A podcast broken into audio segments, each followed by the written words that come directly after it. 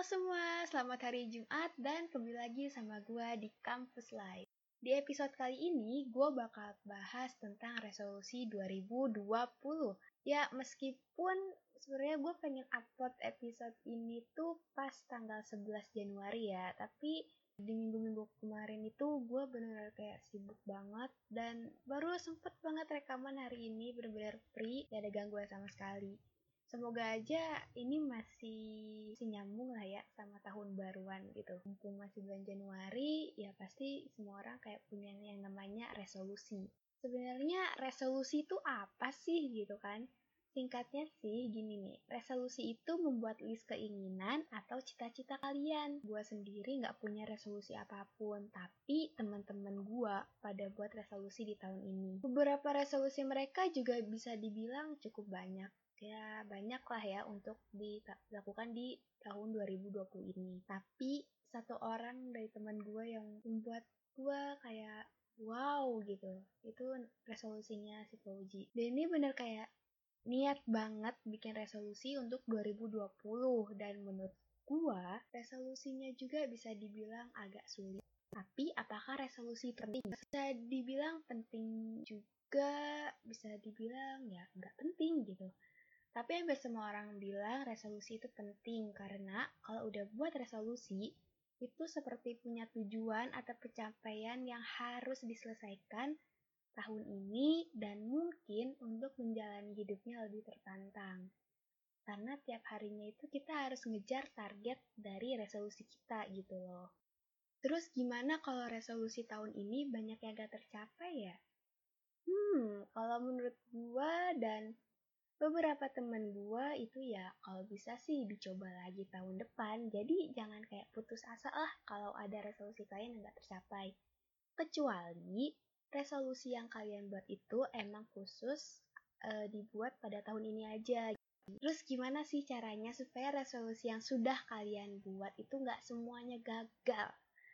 Buat kalian yang bingung nih gimana sih cara ngejalanin resolusi supaya bisa tercapai di sini, gue bakal kasih tahu kalian cara praktisnya ala Andi Logi. Nah, Andi ini salah satu penulis blogger dari Kompasiana. Dan tahun kemarin nih, gue cobain cara ini dan alhamdulillahnya beberapa resolusi gue tercapai. Ya, meskipun banyak yang enggak sih. Oke lah, yang pertama ini.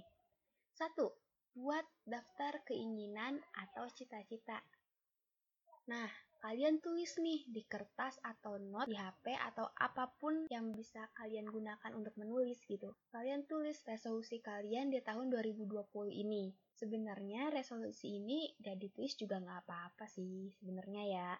Tapi asalkan kalian inget aja gitu. Tapi kan namanya juga manusia, pasti ada lupanya. Makanya gue saranin buat ditulis karena biar gak lupa aja gitu. Kalau bisa sih ditempelin di dinding kamar kalian biar gak lupa. Jadi, setiap kalian mau bangun tidur atau mau menjalankan aktivitas, sebisa mungkin baca list keinginan atau cita-cita kalian. Nah, sebelum tidur juga ya kalau bisa sih baca ya, biar kalian inget terus gitu tujuan kalian di tahun 2020 tuh mau ngapain aja. Yang kedua adalah take action udah buat listnya nih kan, tinggal dilakuin gitu. Emang sih buat memulai itu pasti susah banget dan males. Tapi kalau mau semua list itu tercapai, ya mau gimana lagi? Kalian itu harus buang rasa males itu dan berusaha semaksimal mungkin setiap harinya. Kalau bisa sih, lakukan kegiatan yang bisa mendukung tercapainya kegiatan itu. Misalnya nih, di tahun ini gue mau lulus testan. Nah, take actionnya gimana ya? Ya gue bakal belajar soal STAN gitu, minimal 10 soal TBI dan TPA setiap harinya. Terus gue bakal buat kelompok belajar bareng temen yang minat masuk STAN juga. Nah, contohnya semacam gitulah untuk take action. Yang ketiga, evaluasi bulanan. Ini wajib banget dilakukan tiap bulannya karena kalian bakal tahu progres kalian di bulan itu apa aja. Dan ini juga bisa dibuat acuan untuk bulan selanjutnya. Evaluasi bulan bulanan ini emang ribet sih.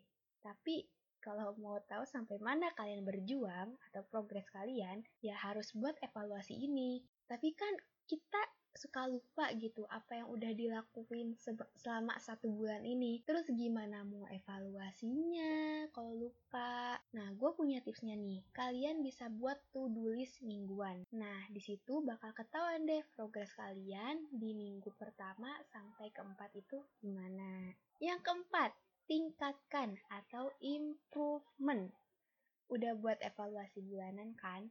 Ya, tinggal kalian tingkatin tuh progresnya tiap bulan.